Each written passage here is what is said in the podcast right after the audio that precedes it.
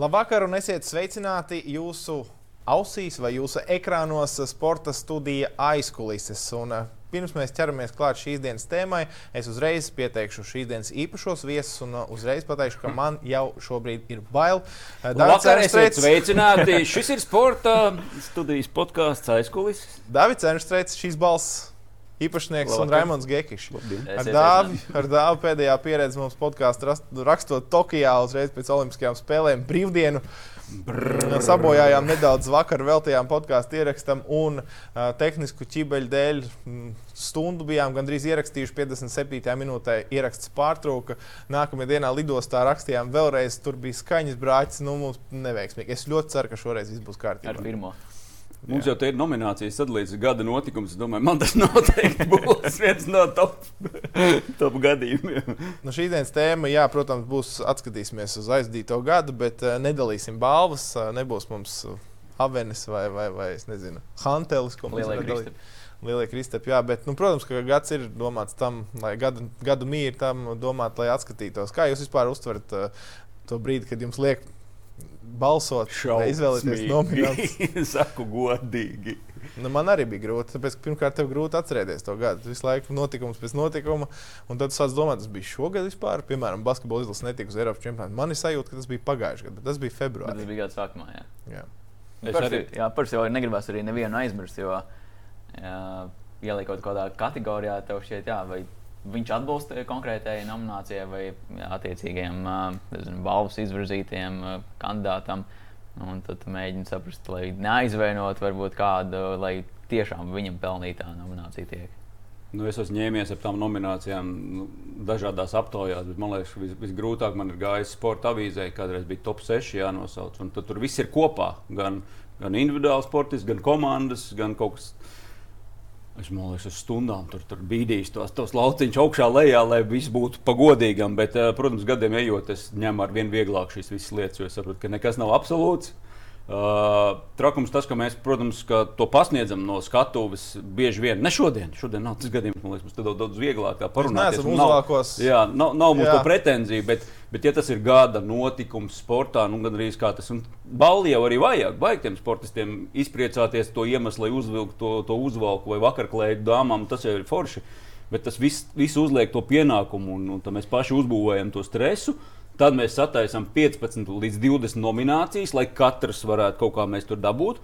Un beigās tāpat tās, tā, tās nominācijas nevar uztaisīt, lai pilnīgi nu, joprojām tā, tā problēma ir. un Tāpēc mēs šodien pat savā starpā, man liekas, runājoties, ja, ja būtu mazāk nomināciju, būtu ļoti daudz dīvainu lietu. Bet tādu konkrētu pretenziju būtu arī mazāk. Nu, ja tur būtu, piemēram, gada personība, un tad tur vienā katlā var salikt gan komandu līderi, gan, gan individuālos veidos.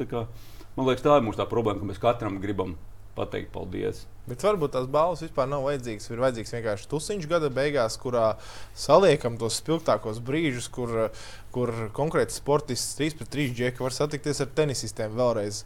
Uh, uzkāpj uz skatuves, tur ir vadītājs, tur ir uh, video. Tur Un ir- nelaižam televīziju iekšā. Ja? Bet agrāk bija tāds arī formāts. Lai viņi brīvi jūtas. Nu, laiž, lai, to var izdomāt, protams. Ir, ir pirmā daļa, ko rāda televīzijā, un pēc tam ir viņu, viņu uh, balīti un tā tālāk. Varbūt es nezinu. Protams, kādam sportistam noteikti tā ir vēl viena medaļa, mm, trofeja plauktā. Bet, uh, Patiesībā, ja mēs tā strīdamies, un tad beigās nonākam pie tā, ka varbūt gada nogalē kāds uh, izdara kaut ko ievērības cienīgu, tad pēkšņi ir jāmaina balsošana un tā tālāk. un Tad, Cik tas arī ir nācies ā, runāt ar sportistiem, tomēr gada beigās, lai arī daļa no viņiem ir miljonāri un viņiem varbūt pat nav nepieciešams šīs valsts prēmijas, bet ā, pateicība varbūt ā, no sabiedrības, no saviem līdzjutējiem, kas ikdienā varbūt nevar izbraukt pa visiem turnīriem, to viņi novērtē. Un, ā, pateicība, es nezinu, Latvijas gadījumā, es domāju, tas ir daudz īpašāk, varbūt, ā, jo tā saikne varbūt ir daudz tuvāk viņiem. Jā, jā. Es domāju, ka viņi, īstenībā mēs daudz ko varam teikt, ka nu, jā, tur bija laiks, kad Mārtiņš Dukurs piecus gadus pēc kārtas uzvarēja, un, un, un tu nevari tik runu izdomāt, un, un gandrīz vai līdzjūtība viņam jāizsaka, viņam atkal jābrauc pēc tās balvas, bet nav jau tā. Ir tomēr, man liekas, ka ir, ir sportistiem ir prieks un, un pateikt to paldies. Un, un man ir prieks par to, ka ļoti daudzi no sportistiem to māca arī izdarīt. Nu, nav nu, tas vecais stereotips, ka lūdzu ienāciet vai ne. Nu, nē, ka sportists māca to izdarīt ar glāzi. Ir bijušas ceremonijas, kuras ir bijušas, manuprāt, labākas pat nekā dažādas kultūras vai ne, pasākumu. Labi, varbūt tas pārspīlē un salīdzināt nevajag, bet, eh, bet tā ir tā iespēja parādīt arī to seju, ka mēs neesam tikai. Nu, tikai tie, kas medī tās sekundes. Un otrs eh, faktors, tas, ka arī pārējie sporta veidi pārstāvji, lai tas varbūt eh, kādam ir pārsteigums vai atklājums, viņi arī iepazīst arī šos pārējos atlaidus, ko viņi ir izdarījuši gadu laikā. Tā ir bijis. Tā ir, protams. protams. Nu jā, tā kā atbildes kā vienmēr nav viens. Reins uzdeva vienu jautājumu, saņēma vairāk atbildēt. Labi, mēs iziesim cauri pāris tādām, tēmām. Un, nu, varbūt vairāk jautājumu un, un, un nepiešķirot balvas, vienkārši apspriežot kaut kādas aktuālākās lietas, kas tur visvairāk piestāv. Man liekas, ka šie divi gadi ir bijuši, ja mēs tā varbūt kāds rēķinātu miegu, tad iespējams ilgāk mēs esam gulējuši. Tāpēc mums nav jābrauc piemēram uz sapulcēm. Mēs to visu darām attālināti. Līdz ar to, to laiku, ko mēs tērējam ceļā, varbūt ilgāk noguļam. Bet par miegu pirmais jautājums eh, par bezmiega naktīm varbūt pēc sporta sacensībām ir bijis tā, ka, nu, ka jūs uzvalkat tā, ka, jūs, ka pulsometrs būtu nepieciešams nu, man nepiedienētos vairs manā, ar manu stāžu darbu kaut kādā tādā veidā. Vienalga, tad tas spēja kaut kas iepriecināt. Nē, man ir, protams, man ir vairāk tādu gadījumu, kad es esmu ritīgi bijis uzvilcies, bet, bet, bet nu, gadiem ejot, tas, tas daudz ātrāk nokrītās un daudz, daudz vieglāk tu spēj pieņemt un, un, un saprast, ka tā ir tikai spēle un būs nākamā. Un, Bet nu, man ir tāds hrestomātisks piemērs, man liekas, no mana pirmā pasaules čempionāta 99. gadā hokeja Oslo kad es Jānis Matulim nu, saķēru galvu, teicu, ka mūsu tur bija Šveicē zaudējuši vai kaut ko nu, cīnījās par palikšanu. Un kad Jānis tādā stoiciskā attie, attieksmē vienkārši nu, man, nu, beidz, būs nākamais čempionāts. Nu, tagad es viņu ļoti labi saprotu. Tajā brīdī man tas likās pasaules gals, tagad vai nekad. Nu, nav nekāds. nekāds nav jāgaida nu. četri gadi, ne? katru gadu ir. Arī to, to nu, mēs, protams, ir īstenībā ir ļoti daudz liekas, šo piemēru, kad laikam ritot mēs ļoti daudz lietas jau izdarām sākam pieņemt paši par sevi saprotamu. Tad, kad es sāku strādāt 90. beigās, tad vēl bija tas pirmreizīguma un unikalitātes pieskaņa tik daudziem mačiem, ka mēs tur pirmo reizi kaut kur likām par sevi runāt. Nu, tagad mēs šodien pat. Gatavoties, nu, nu, nav jau nekas traks, nu, tur pāris ceturtās vietas olimpiādē vai porziņš turpina tur spēlēt, Merzļikins tur kaut ko. Nu, tas mēs jau nu, esam ār, ārkārtīgi pieradināti pie tām, pie tām augstajiem panākumiem, bet nu, tajā laikā bija tā. Bet, Par ko tu vispār atvainojies? Kāds bija jautājums? Ah, par tām naktīm. Nē, nu ir. Nu, nu, trakākais droši vien īstenībā bija pasaules hokeja čempionāts Rīgā. Pēdējā spēle Latvija-Vācija. Pietiek abām komandām ar neizšķirtu. Un es skatos to spēli. Un nedrīkst vispār šo teikt. Bet man tā no malas izskatās, ka te viss ir sarunāts. Ka tu līdz būs neizšķirts. Tu, es parasti ļoti īstenībā tas šī jautājuma varbūt viena puse, ka es Sacensību laikā es ļoti stresoju. Es, man, man baigie nervi. Pēc tam savādāk nomierinos, visu aizmirsu. Nav tik ilgstoši naktis, nav tā, ka neguļ. Tajā spēlē man bija baigais miers. Domāju, nu, tagad mūsēji iemetīs, jo abiem būs labi.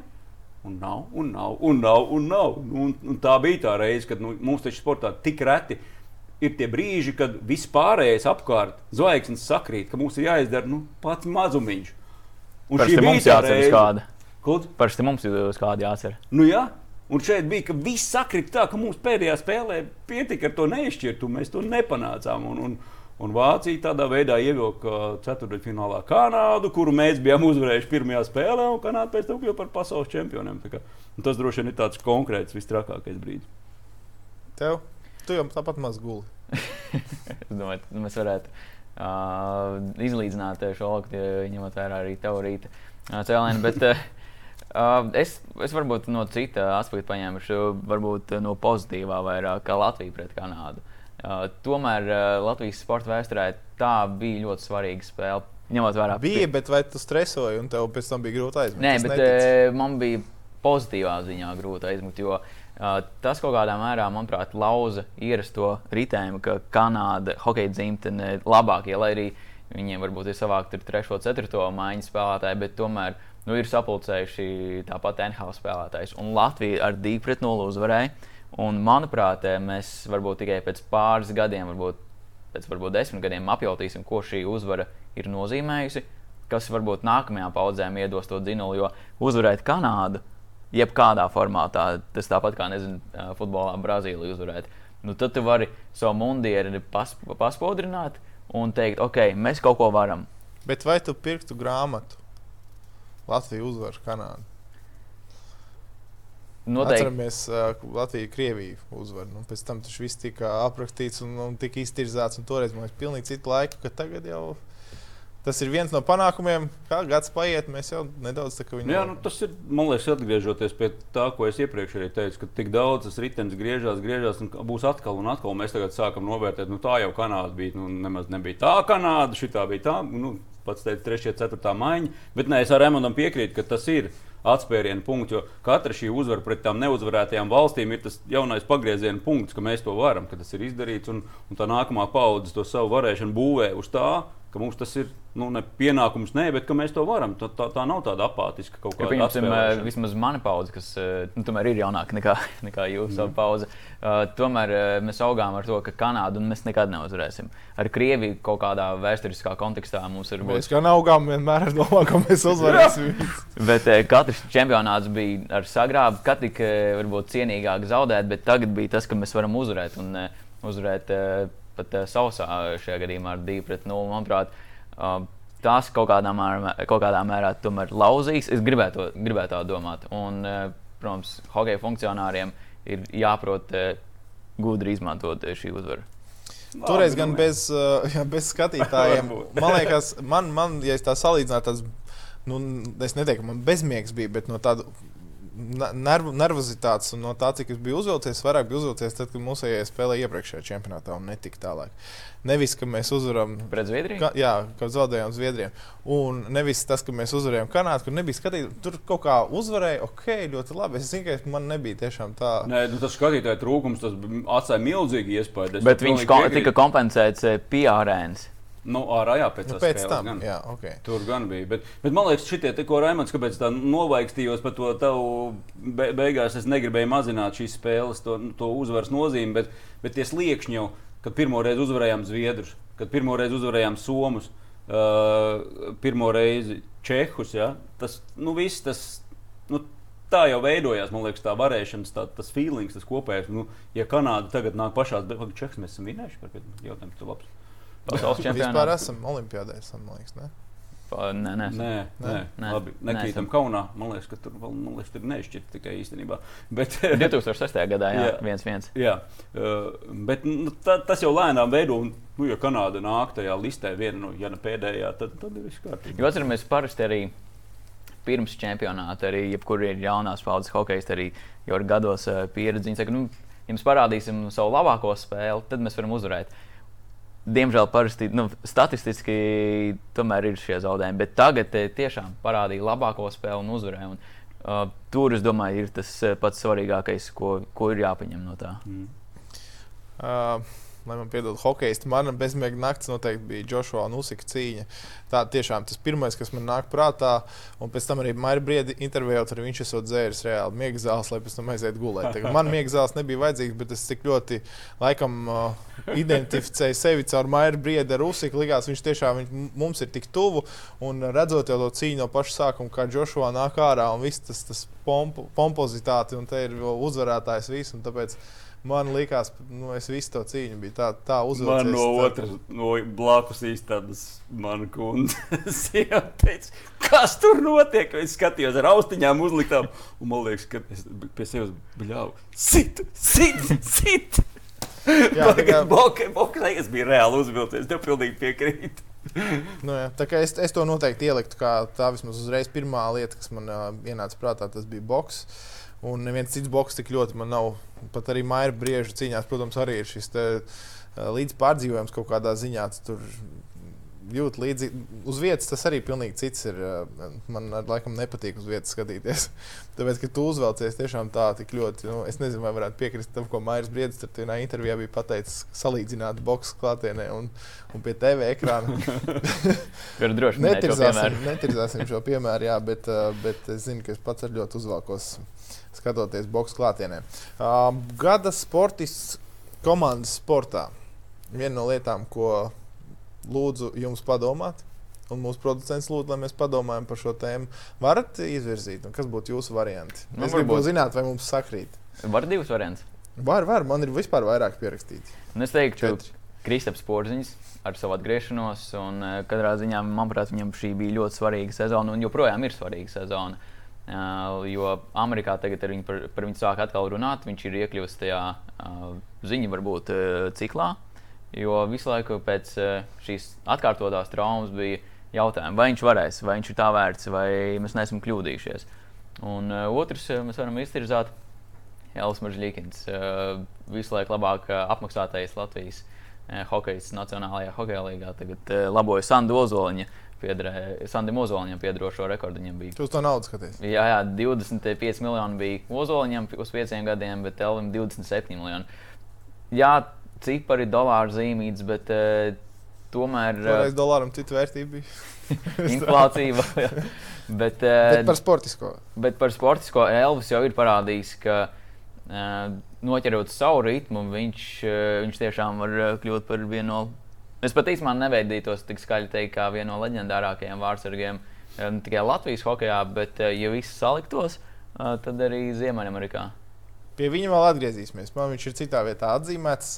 Tavs variants varbūt. Tu pēc tam arī vēl savu nākamo nosaukt. Īstenībā man droši vien ļoti tuvu uh, Raimonda teiktajiem. Tāds, man tāda tād, kaut kāda, zināmā mērā, vienmēr gribās kaut kādu personisko, bet es ātrumā nevaru atrast nu, ne, neko tādu. Nu, man liekas, ka tomēr tas, tā, tā saistība ar Olimpiādu un kaut kas no tām mazajām komandām, nu, tas, ko mēs tur piedzīvojām, 3x3 basketbolā vai nu krūmiņš ar savu, par, tieši par to mirkli, par to kāju un to iemesto tālmetienu īstajā brīdī, vai nu kāds cits no komandas biedriem, kas par viņu iestājās. Es domāju, ka es, es izvēlētos droši vien kādu no 3x3. Droši vien tad pienāktos Fātrim vai ne? Tas, tas... Agnēs Čavars, jā, arī es par to domāju, bet uh, arī Edgars Krūmiņš, kurš, ja mēs arī varbūt noliekam malā to traumu pašā fināla cīņā, bet uh, tas, ko viņš pirms tam, ka viņam bija grūti brīži, bet ka viņš nenolaida. Labi, varbūt vienā brīdī viņš bija nolaidis. Tā būtu balva vairāk tā kā par cīņas gribu, ko mēs tagad, man liekas, attīstam ar tevi to tēmu. Tā, tas varētu būt kaut kas cits. Jā, bet, ne, bet viņš bija ļoti būtisks atslēgā arī viens no diriģentiem kopā ar Fāteru Agni. Viņi ir. Uh, Mēs arī tie, vienmēr esam teicis, ka neatkarīgi no tā, vai krūmiņš var vai nevar spēlēt, galvenais, lai viņš ir blakus mums, lai viņš brauc mums līdzi, un uh, tad ar mums vispār, visiem pārējiem viss būs kārtībā. Jā, viņš esot rītīgs miegamīgs. Un tas, ka Čavaram jāstrādā un viņš sešos no rīta trenējās, tur iedomājās, kam viņam vēl bija jāiziet cauri. Par to jau pirmkārt tur ir mm. lielās uzslavas viņam. Plus vēl tajā brīdī, kad viņš atverās īstā brīdī, tad, kad vajag, tad viņš arī sameklē, arī pašu olimpiādu sāka diezgan slikti. Un tas, ka jā, tas, ka vienkārši tu vienkārši iedvesmoji tautu. No nu, to, ka pēc tam sociālajos tīklos cilvēki rakstīja to, ka ja mēs visi tādi būtu, ka ka ejam un cīnāmies par sevi un vispār to, to komandas garu, ko viņi parādīja. Man liekas, te viņam plusiņu var pievilkt klāt. Eh, ja Čavars vairāk aizstāvēja un taisīja to savu komandu un varbūt ar vairogu uh, skarbāku vārdu pateica, tad Krūmiņš man liekas ne tikai palīdzēja izcīnīt to zelta, bet arī man tieši 3 pret 3 puiši ir eh, citā kategorijā, tāpēc viņas varbūt. Ok, tad viņiem pieskarsimies. Bet, nu, jebkurā gadījumā, nu, šajā, nu, jebku, katrs no šiem četriem džekiem, kas bija Olimpijādē, kas kļuva par olimpiskiem čempioniem šajā kategorijā. Individuāls vai ne? Komandas sports. Nu, tur nevar vienu izdarīt. Personība, tad nu, viņš katrs tur, tur, tur ak, vai. Nu, ja tu iemet zelta metienu finālā, nu, kā tu vari, piemēram, Lasmanu nolikt zemāk par to? Nu, tur, Ronalds ķēniņš man ir atzīmēts. Man liekas, viņš tādu lokomotīvu motoriņš, bija. Jā. Motoriņš, jā, kas uh, reāli palīdzēja Latvijas izlasē. Labi, neko lielu sasniegt tur neizdevās, uh, bet, bet jebkurā gadījumā man, man patīk, viņš ir tāds spēlēkais kardināls, ko tā kā spēles notiek, tad mēs uh, visi redzam to, kāds, jā, kā viņš cik aktīvs spēku paņēma. No šo, šogad arī rezultatīvs bija. Uh, bet tagad, kad pagājis laiks, mēs kaut kā viņu atkal no, no visiem blugeriem, balceriem, Girgensoniem un tā tālāk. Mēs viņu kaut kur tā kā. Nu, es tāpēc viņu pieredzi redzēt, viņu, kā viņš tur Šveicē izpildās. Nu, iespējams, ka tur notiek tas pats. Nezinu, varbūt tāpēc arī viņam ir tik ilgtermiņa līgums, vai ne? Un viņš ir tik labā maizē, kā kaut gan es atceros. Sen, sen bijām Šveicē, šķiet, uz Spengleru kausu kopā ar Rīgas dīnāmo vēl tajos vecajos, labajos laikos. Un tad tie šveicieši teica, nu, ka viņam Nu, ka liekas, ka viņš tādā jau tādā komforta zonā pa daudz, kaut gan vēl bija ļoti jauns salīdzinājumā ar Ronaldu. Bet tad likās, ka nu, tā vai tik tā karjera nenoplaks, bet no nu, acīm redzot, ka tur ir viss kārtībā ar viņu. Bluegers nebija tā piefiksēts. Es Teodoru arī spēlēju, vai viņš tev citur jau ir atkal? Teodors, eh, Teodors citur īstenībā, jā, man ir. Nu, jā, man liekas, viņš arī tāds ir uh, reāls darba zirgs kurš, uh, kurš mums arī liekas pašsaprotams, bet īstenībā mēs liekas, nenovērtējam spēku. un Tāda organizācijā ar to savu darbu, ko viņš dara un kā viņam uzticās, un viņa lomu komandā. Es domāju, ka tā ir vēl viena ļoti stabila vērtība, ko, ko mēs varam reiķināties, ja, ja vien viņš mums palīdz. Arī Latvijas izlasē. ne Jā, tikai es. un forši man liekas, Vitoļņa žests. Man, man ļoti patīk Hara noteiktība ķeroties pie darba Latvijas izlasē. Ieliekot viņu par Nebaidīties. kapteini? Jā, nu, tie ir lēmumi. Es atbildu par to. Teodors to ir pelnījis, un, un tā ir zīme pārējiem nākotnē, kad dzīvē viss ir iespējams ar, ar smagu darbu. Un, Bet tas bija, ja mēs pārējām automātiski pie pārsteigumiem gada, vai tas bija viens no pārsteigumiem? Bluegers, Latvijas izlases kapteinis. Tas ir labs jautājums, bet uh, visticamāk, teiktu, ka nē, ņemot vērā, ko viņš, eh, kādā vidē viņš eh, praktiski katru dienu atrodas. Uh, un uh, Pitsburgā, kad arī man pašam bija tā iespēja būt klātienē, tur, tur tu savā ziņā tur esi mazais kapteinis, eh, vismaz iekšēji, jo tu tur nedrīkst pazust. Eh, Protams, tev tur apkārt ir zvaigžņu plējāda viena no uh, mūsdienu ēras NHL leģendārākajām komandām. Un tev tur ir jābūt uh, ar raksturu un, attiecīgi, atbraucot uz Latvijas valstsvienību. Tad tas nedaudz, protams, nu, nedaudz citādi, citā dimensijā aiziet, bet pelnīti noteikti tas, ka viņš varbūt bija kapteinis. Varbūt pārsteigums, tāpēc, ka viņš ir tik jauns un Kaspars Daugovičs. Uh, uh, bija spējīgs arī būt kapteinis. Varbūt tas daudziem varbūt bija kā negaidīts. Ma- Kāpēc man tas savā ziņā bija pārsteigums? Tāpēc, ka mums jau patīk dzīvot pašu uzburtos stāstos, pašu uzburtās leģendās. Un Kaspars Daugovičs mu- ir savā ziņā daļai- Mūžīgais kapteinis. Mūžīgais kapteinis. Vai, ja nav Kaspars, tad ir Lauris. Vai, un, un liekas, ka tā būs mūžīga, kamēr viņi vēl, jo viņi taču ir tie ar ģērbu bet un uz to muguras. sakam mēs, kas nav ģērbti. Nu, jā, tā ir tā lieta. Un tāpēc es teiktu, ka man tomēr tas bija pārsteigums. Jo Tēdes man asociējas ar kluso čalu, kurš nu, ko nu es, ko nu es. Bet, bet atnāca jauns treneris un teica, nē, tu esi tas piemērs. Un, un tas pats ir Bet viņi neiebalsoja šoreiz. Ko? Neiebalsoja, kā tas notika. Nē, man liekas, ka Hārts pateica, nē, nē, nē, nē, nē. tas bija treneru lēmums. Un viņš jau ir tagad jau ir pateicis, ka Olimpijādē Bluegrass būs kapteinis, ja būs. Ja NHL hokejs būs, Jā. tagad vēl joprojām nav līdz galam uh, skaidrība par to. Tas Labi. varētu būt pārsteigums. Pie pārsteigumiem man, man Mairis Briedis pārsteidza, un uh, vairāk ar izdarībām sociālajos tīklos tieši par, par, uh, par YouTube izaicināšanu. Mans pirmais bija vienkārši tāds, arī tu noliec blakus tos titulus, ko viņš ir izcīnījis, arī kaut kādu to supersēriju. Un tad tu principā. Sāc, at, nu, piemēram, ja mēs salīdzinām, kad sāc atbildēt uz komentāriem internetā, tad man likās, ka, jā, nu, ok, ir pandēmija, nav cīņu. Uh, iespējams, tāpēc viņš tagad mēģina cenšas aizķerties kaut kur parādīt. Varbūt nu, tas viens no izskaidrojumiem bija tāds, ka, ok, jā, viņš ASV tirgus, varbūt viņš grib nopelnīt kaut kādu salīdzinoši vieglo naudu, publicitāti un tā tālāk. Bet, uh, bet ātri vien es sapratu, ka nē, nē, nu, tā ir vienpusēja komunikācija. Es par Mairu varbūt vēl citā aspektā varētu nedaudz paturpināt tevis teikto, jo mēs, uh, lai arī diezgan pastiprināti un arī esam līdzās uh, visiem šiem augsta līmeņa atlētiem, bet mēs neesam ar viņiem ikdienā. Un, uh, varbūt šī ir kaut kāda veida viņa terapija. Jā, varbūt no malas iesākumā daudziem šī nu, savāda un viņam pat nepiederīga, bet, uh, Bet menedžers Raimons saka, ka viņam ir tik daudz enerģijas, ka vienkārši viņas nav kur novirzīt. Un tur es saprotu viņu. Jā. Jā, un eh, Tāpēc mēs viņu eh, nepazīstam. supersērijas eh, fināla, kad eh, ar viņu tikos tukšajā arēnā Rīgā. Viņš teica, ka viņam ir nepieciešams to, uh, to uguntiņu uzturēt. Eh, Varbūt tas bija veids, uh, kā viņš, varbūt kaut kāda veida aizsardzības mehānisms. eh, Noteikti pēc gadiem viņš eh, varēs sev pats eh, nokomentēt, vai viņam tas pašam šķiet eh, pieņemami vai nē. Bet, uh, nezinot to viņa ikdienu, grūti spriest, no kurienes šī vēlme nāk. Okay. Nē, nu, tas, ka tas izstāsta uh, brīžiem savādi un ka tas īsti neatbilst viņa paša būvētajam tēlam publiskajā telpā, kas ir, nu, tā varbūt ir Nu, Pēkšņi tas pretrunas lielās platformas, kas ir televīzija, radio, nu, portāli, tad šie, šie privātie viņa, viņa kanāli, nu, tur tas, tas neiet kopā ar to maira briedi, kas ir uzbūvēts. Uh, gadu gaitā, un, un tā ir problēma. Man liekas, mēs nevaram teikt, ka nu, tikai un, un tā ir sastāvdaļa mūsu Bet varbūt tāds maigs ir eh, aiz kamerām, ko mēs neredzam. Un tagad viņam varbūt ir iespēja nedaudz eh, pavērst šo priekšsturu. Protams, protams. Tikai tik, cik daudz tai tautai ir jāzina.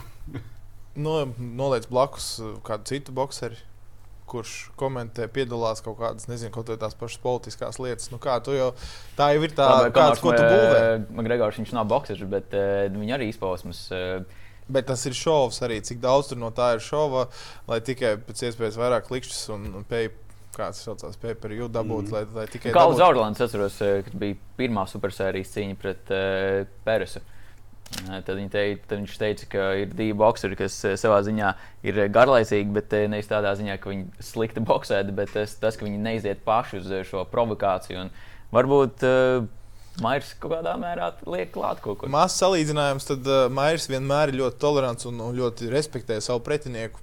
Ja mēs runājam par profesionālo boxu, Tad šeit ir pretruna tāda, ka tu YouTuberi izaicini iekāpt kabrioletā, angliski centies ar viņu runāt, izaicināt kaut nu jā, ko tādu. Tad, tad varbūt pēc viņa noteikumiem. Nē, tad varbūt gaidām nākamo pretinieku, piemēram, tagad uh, ar Austrālijas boxeru, opalais vai kādu opitais, opalais. Viss kultūrā vēl. Okolīts, Bet, uh, un tagad, jā, sākt jau tagad provocēt un sākt, no, no, no, kas tur ir, kur jums tur ķēnguri kaut kādi, un, zin, ir redzēt ķēnguri boks, boks cimdiem. Tad tie tavs paringa partneri, un sāc tagad tā būvēt. Un tad, uh, Un tad pēc tam ringā noskaidrojot, kurš ir. Tad, okay, tad es saku, man vairs nav pārsteigumu. Nu, tev jau patīk šīs ārkārtīgās lietas. Labi, tavs pārsteigums, tu esi kaut ko jā, piefiksējis. Pārsteigums. Mēs esam pie pārsteiguma. Ja? Uh, Nē, man nav nekas tāds ļoti, kas ļoti pārsteidz, bet es tā ieliku tā, varbūt, ka formālāk man, man patīkami pārsteidz kamaniņu braukšanas izrāviens šajā rudenī. Uh, rezultāti. Uh, komandas darbs, saliedētība un visās, visās tajās mm, disciplīnās, vai ne, ir piedestāls vai tuvu piedestālam. Tas, nu, kā zinājām, ka darbs iet varbūt pareizā virzienā, bet tomēr ir labi. Bet tagad es tev pārsteigumu tādu tādu varbūt nelielu piesardzību, jo ir olimpiskā sezona un olimpiskās sezonas sākums. Mēs, mēs visas atbildes būs, būs Pekinā. Tā kā pagaidīsim to, bet, bet tas man Tas man ir tāds neliels patīkams pārsteigums, bet, nu, teiksim tā, tīri, ja par lieliem rezultātiem, tad tomēr Artūra plēsnieka bronza. Uh, Tokijā bija pārsteigums. Es atceros, kā tas notika. Mēs braucu, braucu taksī no jāšanas sporta sacensībām.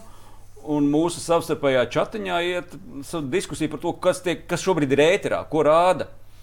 Un mēs, mēs saprotam, ka, ka, ka, rādīt, ka netiek rādīts pludmales volejbols. Laikam, kaut kas tur bija par to, un tā, mēs sēžam taksī un ar operatoru runājam, ārprāts, un tauta taču nesapratīs, nemūr, ka mūsu meitenes netiek rādīts. Un tikai pēc tam tu uzzini, ka Johaidī plēsniekam ir medaļa. Nu, nu, tas bija nu, tiešām bija pārsteigums. Jo es nu, Artūru tā kā lik, likās, ka plēsnieks nu, pēc ranga, nu, piektais, sestais, nu, tur tā, tā, tā vieta, jo smags gads. Un, un tieši, ka viņam izdevās izspēlēt to līdzi gan ar treneru visu tā šaha partiju, kas ka izrādās svarcelšanā, ko mēs jau atceramies no, jau no Pekinas spēlēm tajā 2008. gadā, kad Šerbatīks neizcīnīja zeltu, jo tajā šaha spēlē treneris zaudēja vāciešiem.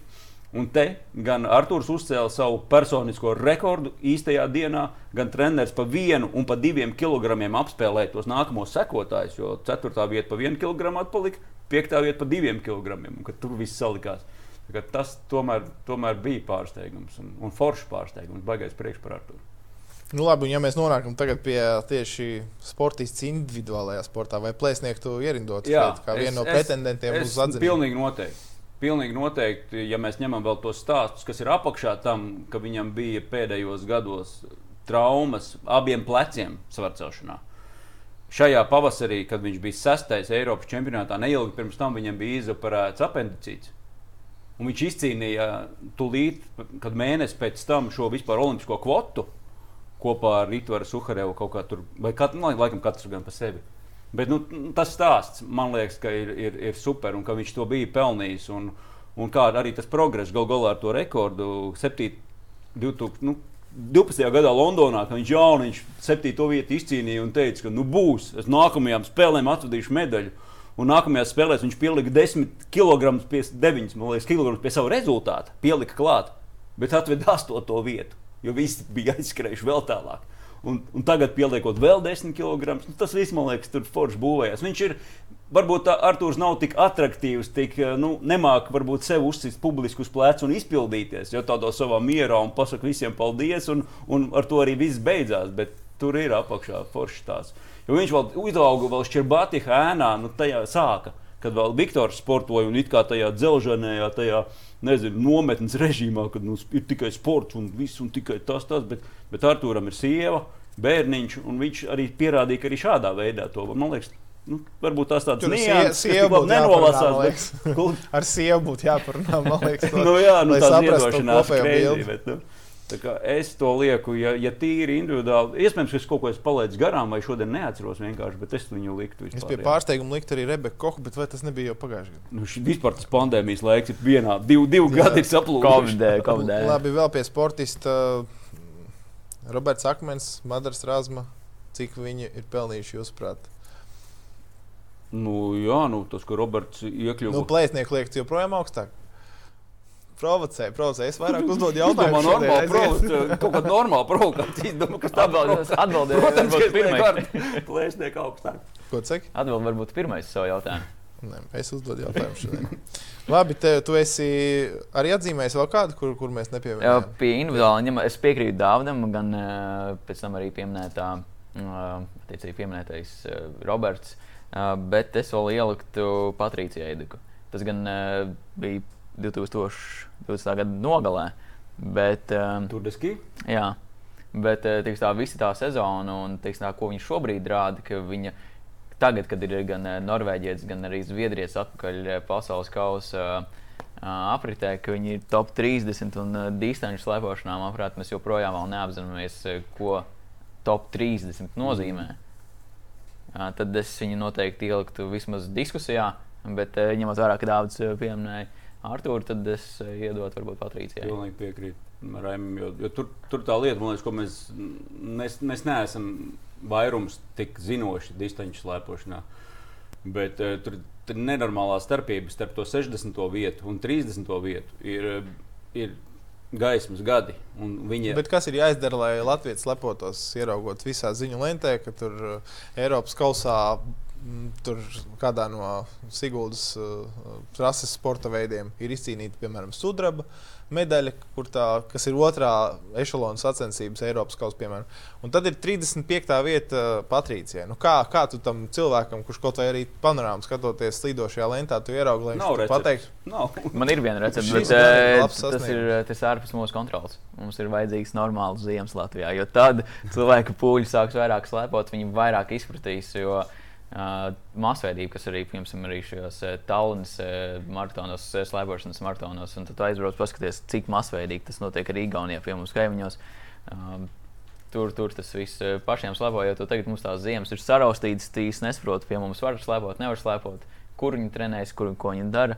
Tad, nu, labi, tagad, nē, nu, tu, tu saki, ja es pats braukšu slēpot un sapratīšu, cik tālu esmu nē, no pirmā tu sapratīsi, pirmkārt, tu sapratīsi, pirmkārt cik ārprāts. cik uh, distanču slēpošana ir uh, grūts sporta veids. Viņš ir ļoti uh, veselībai uh, kopumā cilvēki arī, es domāju, nav runa par augstlīņu sportu, bet jebkuram uh, veselīgi dzīvošam cilvēkam tas ir kā papildus bonus. Man pat mamma uh, brauc ar uh, slēpo ar distanču slēpēm. Uh, Un, Ar plintu vai bez plinta? Ne, ne bez, bez, bez, bez drošība. Uh, bet uh, jāsaprot tiešām distanču slēpošanas, uh, tiešām, ne, ne tikai konkurence, bet cik sarežģīti arī.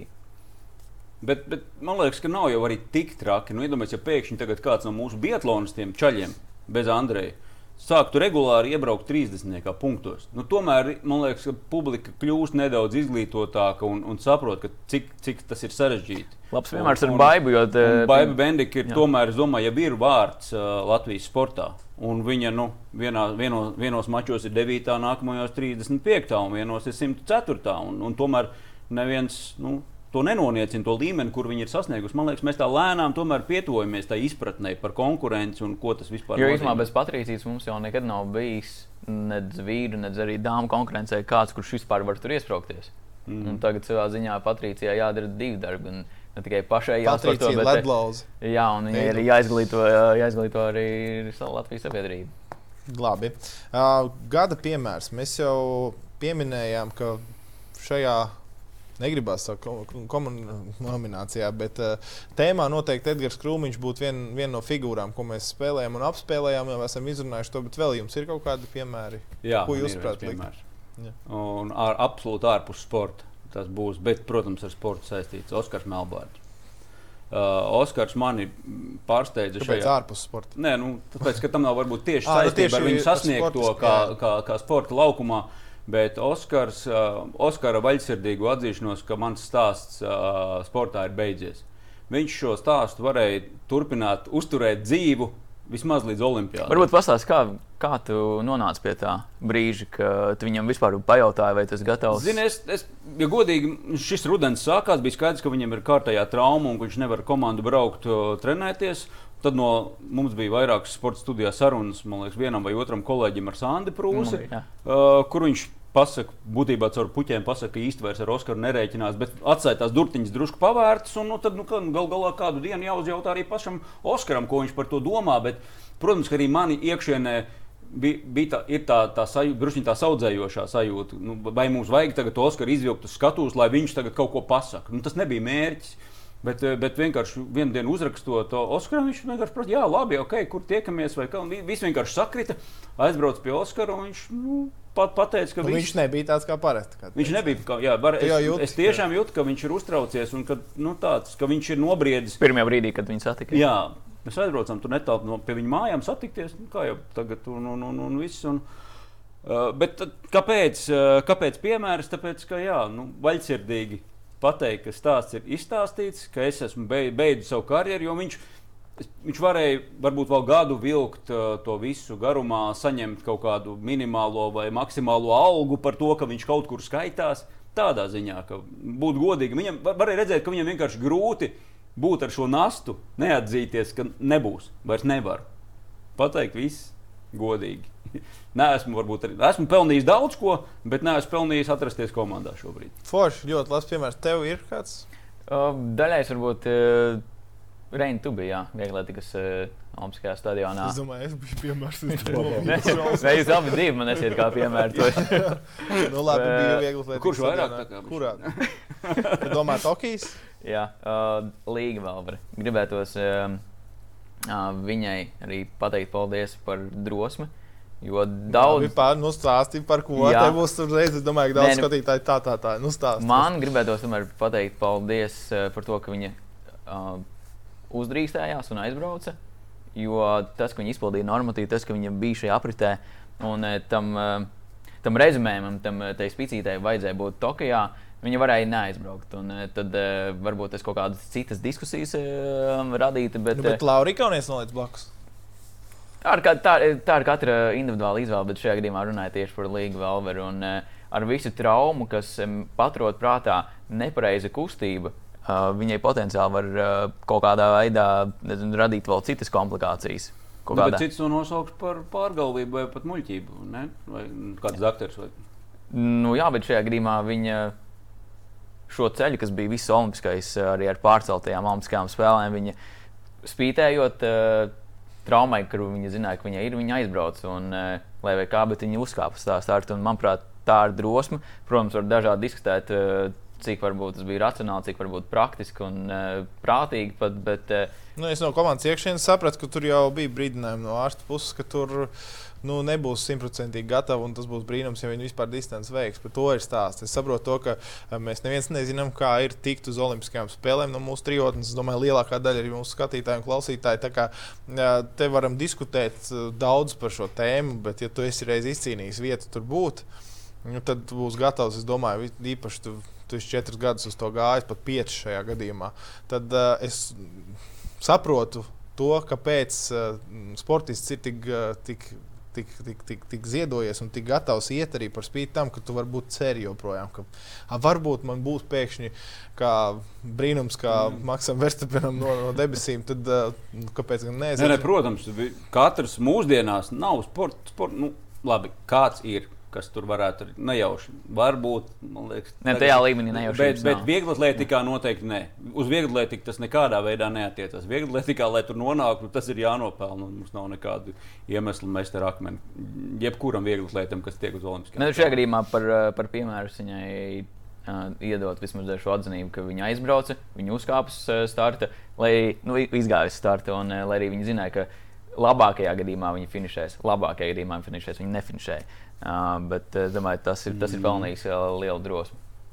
Mans piemērs savukārt uh, vairs nav starp mums, un tas ir Matīs Kilnieks. Uh, Tevis pieminēt arī Latvija, Kanāda. Tas piemērs arī, Es arī cik daudz reizes ir Elvis izteicies, un ja viņš savu bērnu, bērnam iedod otro vārdu Matīs, un, un tas stāsts par to pēdējo ripu dzīvē, kas bija petardas formā. Tā ir viena lieta, ko mēs nepiedzīvojām, neredzējām, bet man liekas, tas, tas piemērs, ko es no Matīs vispār gribētu paņemt, un vispār to, ko redzu, kas šodien mūsdienās notiek, tas, ka daudzi Uh, tikai plāta muti un maz dara. Un, un, un, un, un viņš bija tas, kas savukārt maz vispār, jā, un tas, ka es viņam arī čempionāta laikā uzrakstīju īziņu. Pēc trīs dienām viņš atbildēja, nu, ka atļauties fokusēties uz to savu lietu, nelikties vainīgam par to, ka tu tur neatbildi kādam tur trīs dienas, ko viņš nu, tas iesot bijis viņa stils, ka viņš varēja il- ilgi neaiztikt telefonu un tā tālāk. Bet, bet izdarīt, izcīnīt uzvaru Latvijai uh, pār Kanādu un vispār būt uh, savā komandā, savā iekšienē. Jā, maz runāt, katrs mēs esam citādāk, bet pierādīt sevi ar darbiem. Un tas, ko viņš izdarīja, kur viņš nokļuva arī par NHL runājot. Nu, Man liekas, tas ir piemērs, ko mums katram vajadzētu ņemt. Uh, tīpaši savā pēdējā dzīves brīdī viņš lika nevis savu uh, dzīvību priekšplānā, bet uh, Elvi ar viņas sievas uh, arī topošo tajā brīdī uh, bērniņa dzīvību. Un, uh, mēs varam katrs uzdot jautājumu, vai mēs uh, rīkotos līdzīgi. Noteikti. To mēs nezinām. Jā, bet uh, tas, ka viņš uh, tajā brīdī pieņēma šo lēmumu par to Devs, uh, arī sieva Aleksandra, um, būs noteikti visu dzīvi viņam pateicīgi. Man ir liels prieks, ka mums ir daudz uh, pat, uh, lietu, ko diskutēt tieši šajā tēmā, gada piemērs. Un te jau būtu vēl cilvēki, ko mēs noteikti varētu pieminēt. Bet uh, es pašā sākumā aizmirsu pieminēt to, ka šis ir gada noslēdzošais. Raidieraksts, ja podkāsts, kā mēs to saucam, tāpēc mēs šobrīd apskatām aizdīto gadu. Bet uh, šis arī ir jauns formāts, un forši, ka mēs esam ielauzušies kaut kādā sporta uh, podkāstu topā. Ja? Latvijā neatceros, kā sauc to topu, bet uh, prieks, ka jūs mūs klausāties vai skatāties dažādās platformās. Bet jā, tas ir kaut kas jauns, kas, kas bija jūsu podkāsts gada vai atklāsme. Var vispār vienu izdalīt? tēmu? Ja es tikai, man liekas, to Pekinu. Tokijā to, to podkāstu mūsu veidot, to var izdarīt. Nu, tas bija vienkārši kaut kas crazy. To vispār, bet nevar atkārtoties piekto reizi. Tas cik grūti. Bet īstenībā arī re, bet rezultāts. Lai arī ir otro šāvienu, ko mēs ierakstījām lidostā, atpakaļ lidojot, un kā viņš tika raidīts. Nu, tā, tas viens no tiem, kas, ja kādreiz būs kaut kāda memoāra kādam no mums, tad to varēs raidīt. Daudziem To- to- šķiet, to ka tagad ir diezgan vienkārši nospiest rektu podziņu, ierakstīt un pēc Tam tam. jau kā vai ne? Ir. Mēs viņu filmējām pa daļām, un, un pēdējo daļu mēs vēl raidījām uz Rīgā pirms uh, garā lidojuma uz Eiropu. Uh, man trīs reizes bļāva jau virsū, ka visas bija pēdējais ar datoru rokās, meklējot uh, Wi-Fi pie lidmašīnas, uh, pie pašas, pašas ieejas tūlīt jau. Lai tikai ātrāk nosūtītu. Nu, tas bija jā, seriāli, kā mēs viņu aizsūtījām uz Rīgā Jā. un vakarā. Man gan Jā. joprojām pirmā versija ierakstīja tā patika vislabāk. Nu, protams, tik daudz lietu. Bet tas, ko man, eh, es īstenībā pievienojos arī sportistiem, ka, kuri man to ir teikuši. eh, Viena bija tava epizode par uh, sportista finansiālo atbildību un pratību, un tava epizode par mentālo veselību. Um, Oh, es tagad biju ieslodzīts, jau, un man jā, bija no konserviem jācep kaut kas augšā. jā, jā, un, un uh, sportisti, kas ir arī, protams, arī mūsu uh, podkāstu, gan klausītāji, gan skatītāji, viņi uzsver šīs divas epizodes, un uh, es arī savu prātā mēģināju atbildēt, uh, vai man viņas būtu kā viens no top ep epizodēm, un es noteikti piekrītu gan, gan par finanšu pratību, jo daudzi, tīpaši jaunie sportisti, kam tagad parādās pirmajā lielajā līgā, viņiem šķiet, ka tā nauda visu laiku nāks, un uh, kā viņi ieguldīt, kā pareizi Jā, apiet. Mentālā podkāstu tēma, pareizi. šeit ko domā? Jā, es domāju, Tu man par bija arī sižets. tu dzīvo Tokijā, jā. Jo man bija Tokijā sižets par mentālo veselību arī, eh, kur bija, bet, protams, jā, pēc tam atgriežoties arī šeit bija. Uh, vienu brīdi, divi, trīs gadi atpakaļ, man liekas, mēs tur runājām par to, ka maksimāli īsāks sižets, maksimāli, maksimāli, maksimāli viss sociālos tīklos ejam uz, uz divas minūtes, uh, pirmajās sekundēs uzmanību tā tālāk. Tas, ko mēs šobrīd redzam, nezinu, piemērs par, uh, par Robertu Vītolu, ka ieliek, ielikām garo versiju intervijas īso, sižets aizgāja daudz sliktāk kā garās sarunas, un arī šis formāts, man liekas, ka cilvēkiem ļoti patīk, vai skrien krosiņus, vai taisa kardio treniņus ar kaut kādiem trenižieriem, tu uzliec Audio grāmatas vietā. Jā, jā, jā. Nu, tā kā, tā kā forši, ka šis, kā es viņu saucu, otrdienas sporta studiju formāts, atceramies, ka bija garās versijas, eh, Mārcis Rīmenis to arī. Daudz. Bet Daudz zemestrīces arī. Jā. Bet man vairāk asociēts, piedod ar Rīmeni, laikam, daudz labi, kopā strādājam. Tad, jā, un tad uh, vienīgais, kas pietrūkst, ir tiešraidais zvans. Jā, kas, No Grāvis no no talsiem. talsiem, jā. Labi, skatāmies uz nākamo gadu. Mums laika paliek maz, par, kā par brīnumu. Uh, trīs prognozes par 2022. gadu. Kas iezīmēsies? Jūsuprāt, vai grūti jau kaut ko prognozēt, bet uh, šaujam uz vienkārši uz dūlo. Manuprāt, tāda varbūt skaļākā un varbūt trakā, trakākā prognoze, ka pasaules kausa futbolā nenotiks. Jo Gan varbūt eh, boikots. vai boikots būs, vai veids būs. Eh, Protams, stadionos jau ir viss nodrošināts, un tur arī pat eh, bijuši kaut kādi izmēģinājumi. Vismaz FIFA ir bijuši. Es jau godīgi arī atzīmēju. Ka, es nezinu, es, man, ir, man ir tāda iekšējā sajūta, vai nu viņš eh, sāksies un viņš netiks pabeigts. Kaut, ņemot vērā, ka, kas tur viss notiek katrā. Paziet, kā nofilmējiet Doyle. Labi, labi, turpin, turpin, turpin. es gan, es gan neesmu uzlicis virsrakstu, ka nenotiks. Es, es vairāk arī, arī īstenībā par Pekinas Ziemassvētkiem, kad tagad jau sākās diplomātiskie boikoti, ka par to, man liekas, arvien vairāk runās. Ja mēs tagad pieminējam mentālā veselību, līdztiesība, šīs visas tēmas tiek arvien vairāk cilāts. Man liekas, ka arī tā, tas cilvēktiesības, par ko arī visu laiku ir runāts, bet tagad ar vien skaļāk, man liekas, sāk runāt par šo Norvēģijas tā komandu, kas jau taisa QR kodus uz formām.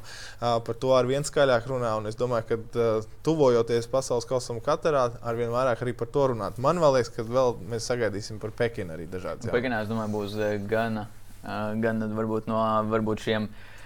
Uh, Skaļāk, skaļākajiem sportistiem, un varbūt treneriem, jo zinām, ka arī mūsu aprindās ir arī treneri, Bet kas Mārtiņš Rubens ir dabūjis akreditācijas. ir. Jā, saprotu. Mārtiņš Tā Rubens, kurš ir atklāti iestājies pret eh, Ķīnas eh, komunistisko režīmu, kur, eh, uh, kur ir novērojamas šīs cilvēktiesību uh, tiesību pārkāpumus. Smieklīgs virsraksts bija pirms pāris dienām, laikam. uh, Pasaules preses brīvības dienā Ķīnas valdība ir ieslodzījusi vai neļaus iziet no mājām žurnālistiem. Jā. Nē, es jau būtu tikai priecīgs, ja tā diskusija um, būtu mēdīju līmenī arvien skaļāk par to, kāpēc sacensības notiek Katarā vai Pekinā. Tādā gada laikā, ka mēs tik daudz esam gatavi piekāpties nu, naudas priekšā, tas ir ļoti labi, ka mēs par to runājam. Un, un ka sportistiem ir kaut kāda attieksme, un viņi ir gatavi. Vai, vai šajā brīdī, kad jau lēmumi ir pieņemti, vai ir jāstājās kaut kādiem boikotiem, protams, sportiskā ziņā uzreiz pasakā simtprocentīgi nē. Sportistiem tur nav jāiesaistās ar un jāziedo savi dzīves labākie gadi. Bet, nu, Ne, šajā gadījumā lēmums- formā, tad, tad, Manuprāt, protams, lēmums par piešķiršanu, par Jā, tiesību protams, piešķiršanu tad- rīkot.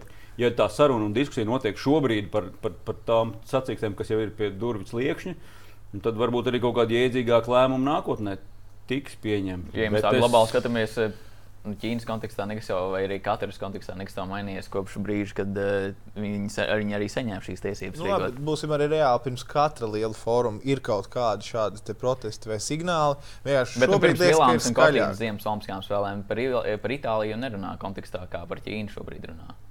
Nu, jā, bet, bet Nu, jā, ir, ir, ir aizdomas. Jā, nu, Bet ir slikti? aizdoms vienalga, jā, ka, ka šis kaut kā ieņems lielāku lomu vispār visur mediju vidū. Un, un, un, Un vēl varbūt man tāda skaļākā prognoze. Es nezinu, vai jūs varbūt man varētu piespiest, bet eh, manuprāt, kāds no uh, pašreiz NBA, Latvijas NBA basketbolistiem, kas ir izkrutuši no tās aprites, atradīs savu ceļu atpakaļ. Es nezinu, varbūt eh, vai jāsaka vārdu vai nevārdu viņa, Nu, bet. Tagad, uh, uz NBA. Kur atpakaļ uz atgriezīsies NBA vai Jā. atpakaļ uz Latvijas Nē, nē, izlasi? nē, atpakaļ, atpakaļ uz NBA. Nu, mums ir divi, es saprotu, kandidāti tikai. Jā, Jā, Paššķiņš un Tu kurš. Tā uzskata, kurus, jā, vai pasakāt. jā, jā. Nu, labi, labi, turēsim to pie vārda. Tu jau vien, viena tā prognoze piepildījās par Rubīnu. Ja? Pirms sezonas teica, ka būs vēl viens, kurš debitē. Tagad viņš ir uh, nosūtīts atpakaļ. Uz īsu brīdi gribētu teikt. Jā, labi. Emīļa Liepiņa mēs nepieminējām, vēl bija atzīmēts kā gada piemērs. Uh, Tur, kur es teicu, ka mēs varētu vēl diskutēt. Bet, uh, uh, labi, ko jūs sakat par to, ka Toms Kuņš uzvar beidzot kādā etapā? Viņš arī bija otrais Tour de France. vienā no etapiem. Bet tā nav uzvara. Tāpēc tas Bet tā nav bet Jā, bet uzvara. tā nebūtu varbūt tāda ļoti pārsteidzoša prognoze. Es, eh, ja es izlasītu, pieceltos eh, un saņemtu ziņu, ka Toms ir uzvarējis kādā no posmiem, es būtu ļoti priecīgs. Bet es nebūtu pārsteigts par, par šo notikumu. Es neesmu, jā, es par, par to bet es piekrītu tev. Uh, bet uh, nu, es arī neesmu tā, par tādiem pavisam nereāliem. Man, uh, ne, ne, Es tikai jums es atceros, ka ir neizdevās- pārtraucis, bet eh, kas vispār mūsu laikos Mēs- ir nereāls? Jā, mēs esam tik pieraduši jau pie Da- Dāvis Bertāns. Mums jau ar visu. Eh, Ne Dārzs Bertāns, bet Dairis Bertāns. ja kāds man pateiktu, ka viņš konkrētajā karjeras posmā debitēs uh, Nacionālajā basketbola asociācijā, es domāju, ka nu, tas, kurš man to saka, ir vai nu jūtas, vai eh, ļoti, ļoti Bet tic. kāpēc? Nu, parasti, ja Nu, mēs nē. skatāmies um, vismaz arī Latvijas sportā, nu, šādu piemēru, nu, viņi ļoti maz vai nu, praktiski vispār nav. Ir tīpaši, kad uh, karjera jau ir iet uz otru pusi. Un, uh, um, tieši tādā Eiropā parādīties, viņš bija laba līmeņa, bet uh, nu, noteikti ne kaut kas tāds, kas basketbola eksperts. Lauris, Lauris Dārziņš nokļūst uh, tam bez laitnīgi pēkšņi. Jā. Uz, uz brīdi, ja? Nu, Tur drusku pārspīlēt to brīdi. Bet, labi, nē, paralēli ir saprotami un, un ļoti vietā, bet nu, varbūt jā, Lauris drusku tālāk savā karjerā nekā Dairis bija to brīdi. Bet man, man, man liekas, tas ir baigi forši, ka, vairs, ka mums to stāstu, nu arī gadiem ritot un esot apritē stāstu, ir arvien vairāk.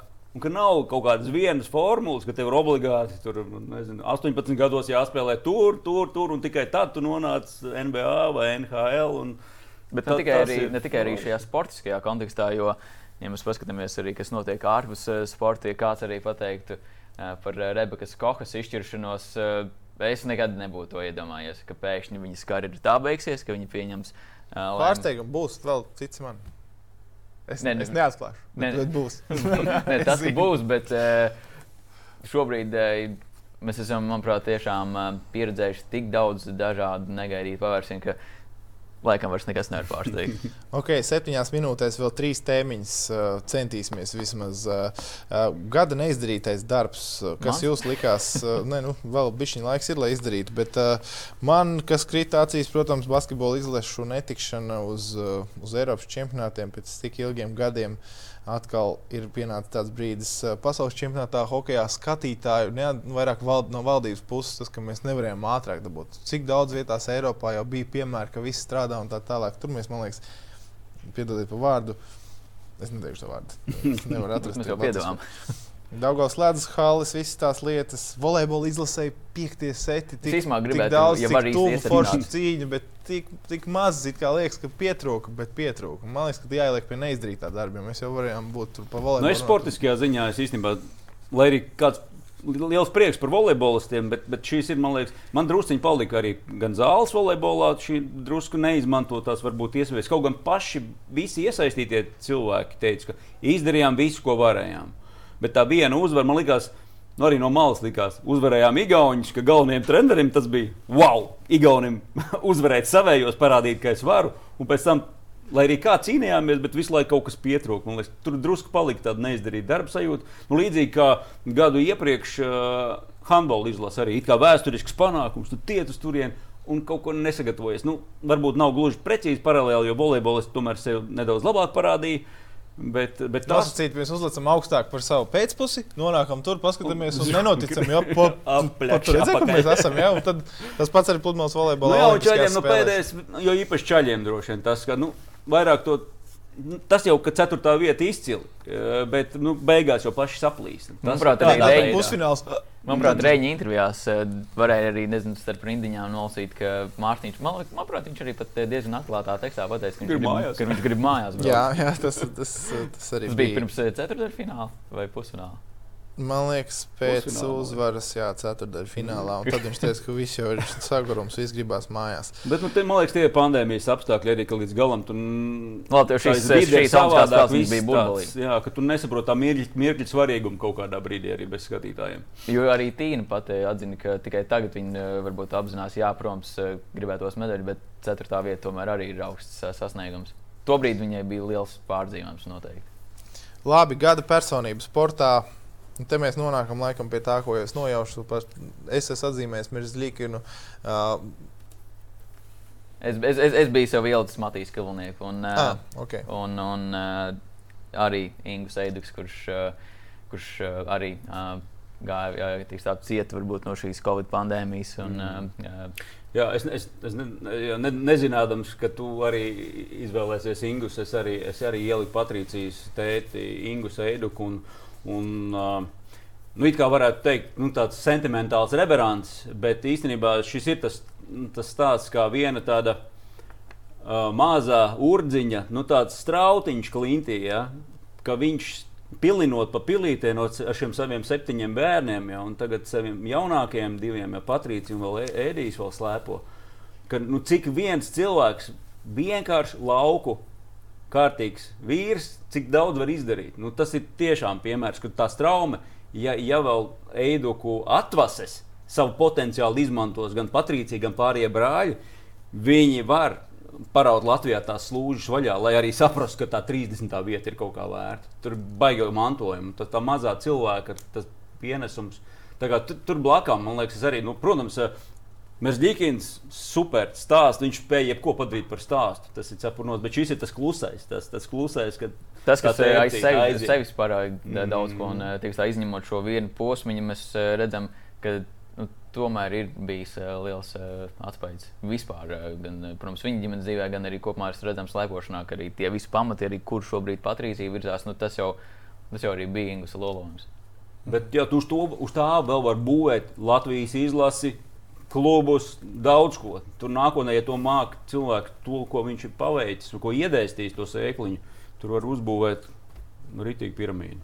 Mhm. Es šeit Elvi esmu ielicis, mm. jā, mhm. mūsu roka zvaigznī, kuru arī var savilkt kopā. Es nezinu, ja mēs te par, par Matīsu, tad, tad, tad kā viņš uzstājās Matīs bērēs, nu, tur ir tas arī tas teksts un tas viss patiesums un, un spēt pajokot vairākas reizes pat ar, ar tādu melno humoru. Brīdī, kad tavs viens no tuvākajiem draugiem turpat līdzās. Uh, jau diemžēl, bet, eh, bet citā saulē. Un, un, un, un, un, un tas, kā viņš spēja jebkuru lietu vai spēles momentu padarīt par kaut ko, viņš ir visur uh, nu, tik ļoti. Ne tikai sportists, bet kaut kas vairāk, uh, kā, kā negribās teikt, kā preču zīme, bet vienkārši tas, ka, ka viņš spēja, ka viņš runā ar mēdījiem, ka viņš neatsaka. Viņš nekautrējās ar pateikt, nesalaid visu grīzti ar lamārdiem tieši ēterā. Es zinu, kas ir pats labākais. Viņš ir mums, viņš. Mums, jā, jā, tieši precīzi. Viņš nebaidās runāt atklāti, par ko mūsdienās tik daudzi arī baidās varbūt, no kaut kādiem nērtākiem jautājumiem. Liekas, Elvim pilnīgi viņš pateiks, viņš, viņš pasaka, ka jūs esat izjutējuši stulbi, muļķi, diemžēl tāda dzīvojums pasaulē. Viņš man liekas, arī žurnālistam var pateikt, ka tas Es atvainojos, tas ir muļķis, kāpēc man tādu jautājumu uzdeva. Labi, ka tāds vēl nav bijis no viņa puses. Bet viņš ir tas, kurš man liekas, gandrīz tā bija pēc spēles. Es kaut ko viņam pasaules čempionā kaut ko pajautāju par nākamo spēli, un viņš man tā atcerās, ej, vecīt, tikko mēs vinnējām, vai tikko beidzās šī spēle. Sapratu, ka Dievs, es taisnība viņam ir. Jūs man tagad, eh, tagad bija Kolumbusā, un viens no vietējiem žurnālistiem jautāja, vai, vai, vai tāds viņš ir, vai, vai nav tā, ka viņš tagad ir atbraucis uz Ameriku un tagad viņš, ir mēģinā, viņš mēģina pielāgoties šim amerikāņu dzīvesstilam. Es teicu, nē, nu, tāds viņš ir. Tāda ir viņa personība. Viņš neuzspēlē un viņš jūtas tur kā zivs ūdenī. Un, uh, tur viņš prot izmantot savas uh, personības, šīs uh, krāšņās puses. Jā. Nu, viņa nu ir ģitāra. Tā mēs jā. nosaukt. Viņš ne tikai atvēra rīpus, bet arī man, spēlē. Viņš, viņš arī gūs vārtus. Arī pie savas prognozes. Viņš arī ļoti labi spēlē ar mēdījiem, viņš ļoti labi spēlē ar līdzjutējiem un tā tālāk. Tā tas... Es, es vēl pie savas prognozes nākamajā gadā esmu Elvis gūs vārtus. Ok, labi, labi. vēl viena atzīme. Nu, labi, jaunais gads nāk, es kolēģiem novēlu foršus sižetus nākamajā gadā, foršas mm. intervijas. Un, ja mēs skatāmies uz šo te, kas jau skrien projām, jūsu gada sižetiņi. Kaut kādi, kas iezīmējušies, vai forši, interesanti piedzīvojumi, vai kas ir palicis man atmiņā, palika, man atmiņā palika divi.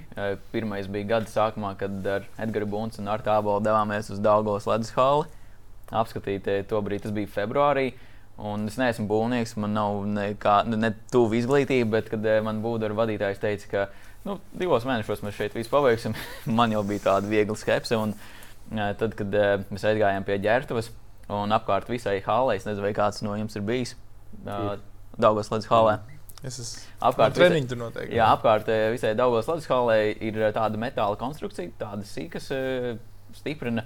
Un tā augstums no, tas durvju augstums, eh, izējot eh, no ģērbtos uz ledu, ir nepilnīgi divi metri. Un uh, projektētājiem es jautāju, bet mūsu hokeja ir 1,90 m ar slidām, ar ķiverēm, nu, tur pāri, un tur visiem nāks pielikties. Nu, tāda nērtuma, nērtuma sajūta, nu, jā, mēs, mēs nepadomājām.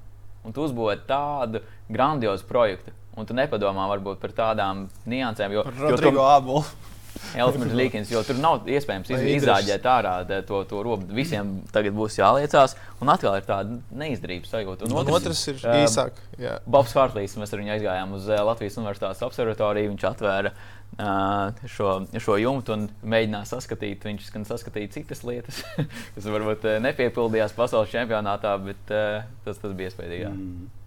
Man atmiņā īstenībā tiešām arī Raimons šis te Hārtlīs izžets. Uh, un uh, īstenībā es atceros, cik Raimis bija uh, saskumis pēc manna pieveikšanas, ka Briedis vinnēja mannu. Un man liekas, ka nu, nu, Raimons ieradās nu, tā tāda nelaimes čūpa, nekā viņam nav, sižets nav, neko viņš nav uzfilmējis. Un beigās es skatos to sižetu, un man ir reāla klātbūtnes sajūta, ka es esmu iz... nu, tā kā būtu bijis klāt. Un tas ir tas stāsts par to, ko mēs kādreiz sag... nu, sagaidām un ko dabūjam.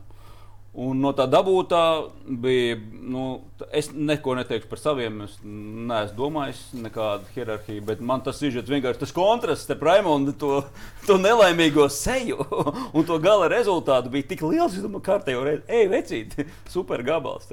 Tas, es liktu, jā, Raimonda Sižets, Briedis, Mans cīņa kur es sapratu, ka kārtīgi briedim klāt, tu nemaz netiki. Jā, tu uztaisīji tur, tur, bija, tur bija tā sajūta, ka viss tur bija. nu, lūk, tas bieži vien pat ir labāk. Jā. Nekā, ka tu tiec klāt un beigās uh, skaties varbūt no vienas skatu punkta. Mm. Varbūt vēl var pieminēt, ka nu, Gords Millers un Artūrs Sība satikās oh, Saldrības pludmalē. Tas Un arī tad bija tu nelaimīgs. bet viņš bija labs. bet, jā, bet šis ir laiks arī, kad mēs forši varam atskatīties pagātnē. Man, man vienkārši uznāca vienāds prātā par savu sižetu par 15 gadiem Arēna Rīga, kas it kā mums tepat tā būva ir tikko nesen uzbūvēta, bet cik daudz tur ir piedzīvots, ka spējām pastīties gan peripētījās, kā tika būvēts un tā tālāk. Tas bija labs sižets. Tev ir arī tagad stāsts par loku atjaunošanu, kas arī ir tepat it kā vai ne, bet forši būs atskatīties nu, tajos notikumos. 98, 99 gads čaļi, ko jūs tad darījāt? Tā kā te pati. Man bija tur divi gadi. Jā, rīktīgais vikķeri. Nē, nē, nu, protams, ka ļoti, ļoti interesanti. Un tā, tā, tas vispār ir ļoti īpašs laiks. Un, kā, dažbrīd es dzīvoju tajā laikā, kad likās, ka nu, tik forši tur nu, kaut kādā 11 gadnieku vecumā. Nu, tik forši tur ārzemēs. Bet tagad tur redz, ko tie cilvēki, kas bija liecinieki vai, vai iniciatori tiem procesiem, kā, ko viņi izdzīvoja, kāda, cik pilnasenīga dzīve Brīžiem pat liekas, ka mums tagad ikdienā kaut kas tāds pietrūkst, lai būtu bijis tas stresiņš ikdienā. Noteikti tā, mēs, mēs to noteikti filmā cerams arī visu, visu redzēsim. Neredzēsim, bet... ne, viņš interesantāk un neieliks. bet, bet, tas, ko sādi beigās gribēju pajautāt, mēs zinām, varbūt Latvijas vēstures kontekstā gan par uh, neatkarības uh, iegūšanu, pēc tam atjaunošanu, ka tur varbūt nenotiekot kaut kam, mēs varbūt nebūtu ieguvuši vai atguvuši brīvību. Vai šajā lauka stāstā tu arī kaut ko redzi, ka ja kaut kas pat nejaušības kārtā nebūtu, tad uh, varbūt pat Latvija vēlāk varbūt tikai būtu iespējas. Ne, tur, bija, tur bija vairāki punkti, kuru dēļ, ja būtu noticis vai viens vai otrs scenārijs, Latvija 92. gadā būtu atgriezusies, nebūtu atgriezusies, būtu, būtu, būtu gājusi NVS komandā ar mazu karodziņu uz, uz rokas. Kā, ja, tur, tur, man liekas, tas galvenais mesiķis tajā ir, ka nu, tā klauvēšana un darīšana it kā mēģināt paveikt neiespējamo, beigās tad, kad visi pasaules šitā lielvaras brukšana notika, mēs bijām tam brīdim gatavi un uzreiz pēc nepilna pusgada startēt. Bet es domāju, tas jau ir cits stāsts. Par to mēs pirms Olimpiādas atklāšanas varēsim parunāt vairāk, kad būs 30 gadu atpakaļ. Labi, ka šodien mums nav austiņas austiņas. Nevar runāt un runāt. Raimons beigās izdomā garu jautājumu uzdot. Uh, laimīgi, laimīgi jauno gadu un priecīgas Ziemassvētkus ar piparkūkām, prātīgi rosuliņu brokastīs. Zināt, savu mēru sajūtu. Jā, un, ne, un esiet tādi, lai pēc tam mēs atkal pēc gada diskutētu, kurš ir pelnījis kļūt par gada piemēru. Paldies, ka bijāt kopā ar mums. Paldies šo svētku laiku, un paldies arī jums, ka atradāt laiku atnākt ciemos pie manis. Vienmēr laipni. Labi, uz tikšanos. Čau.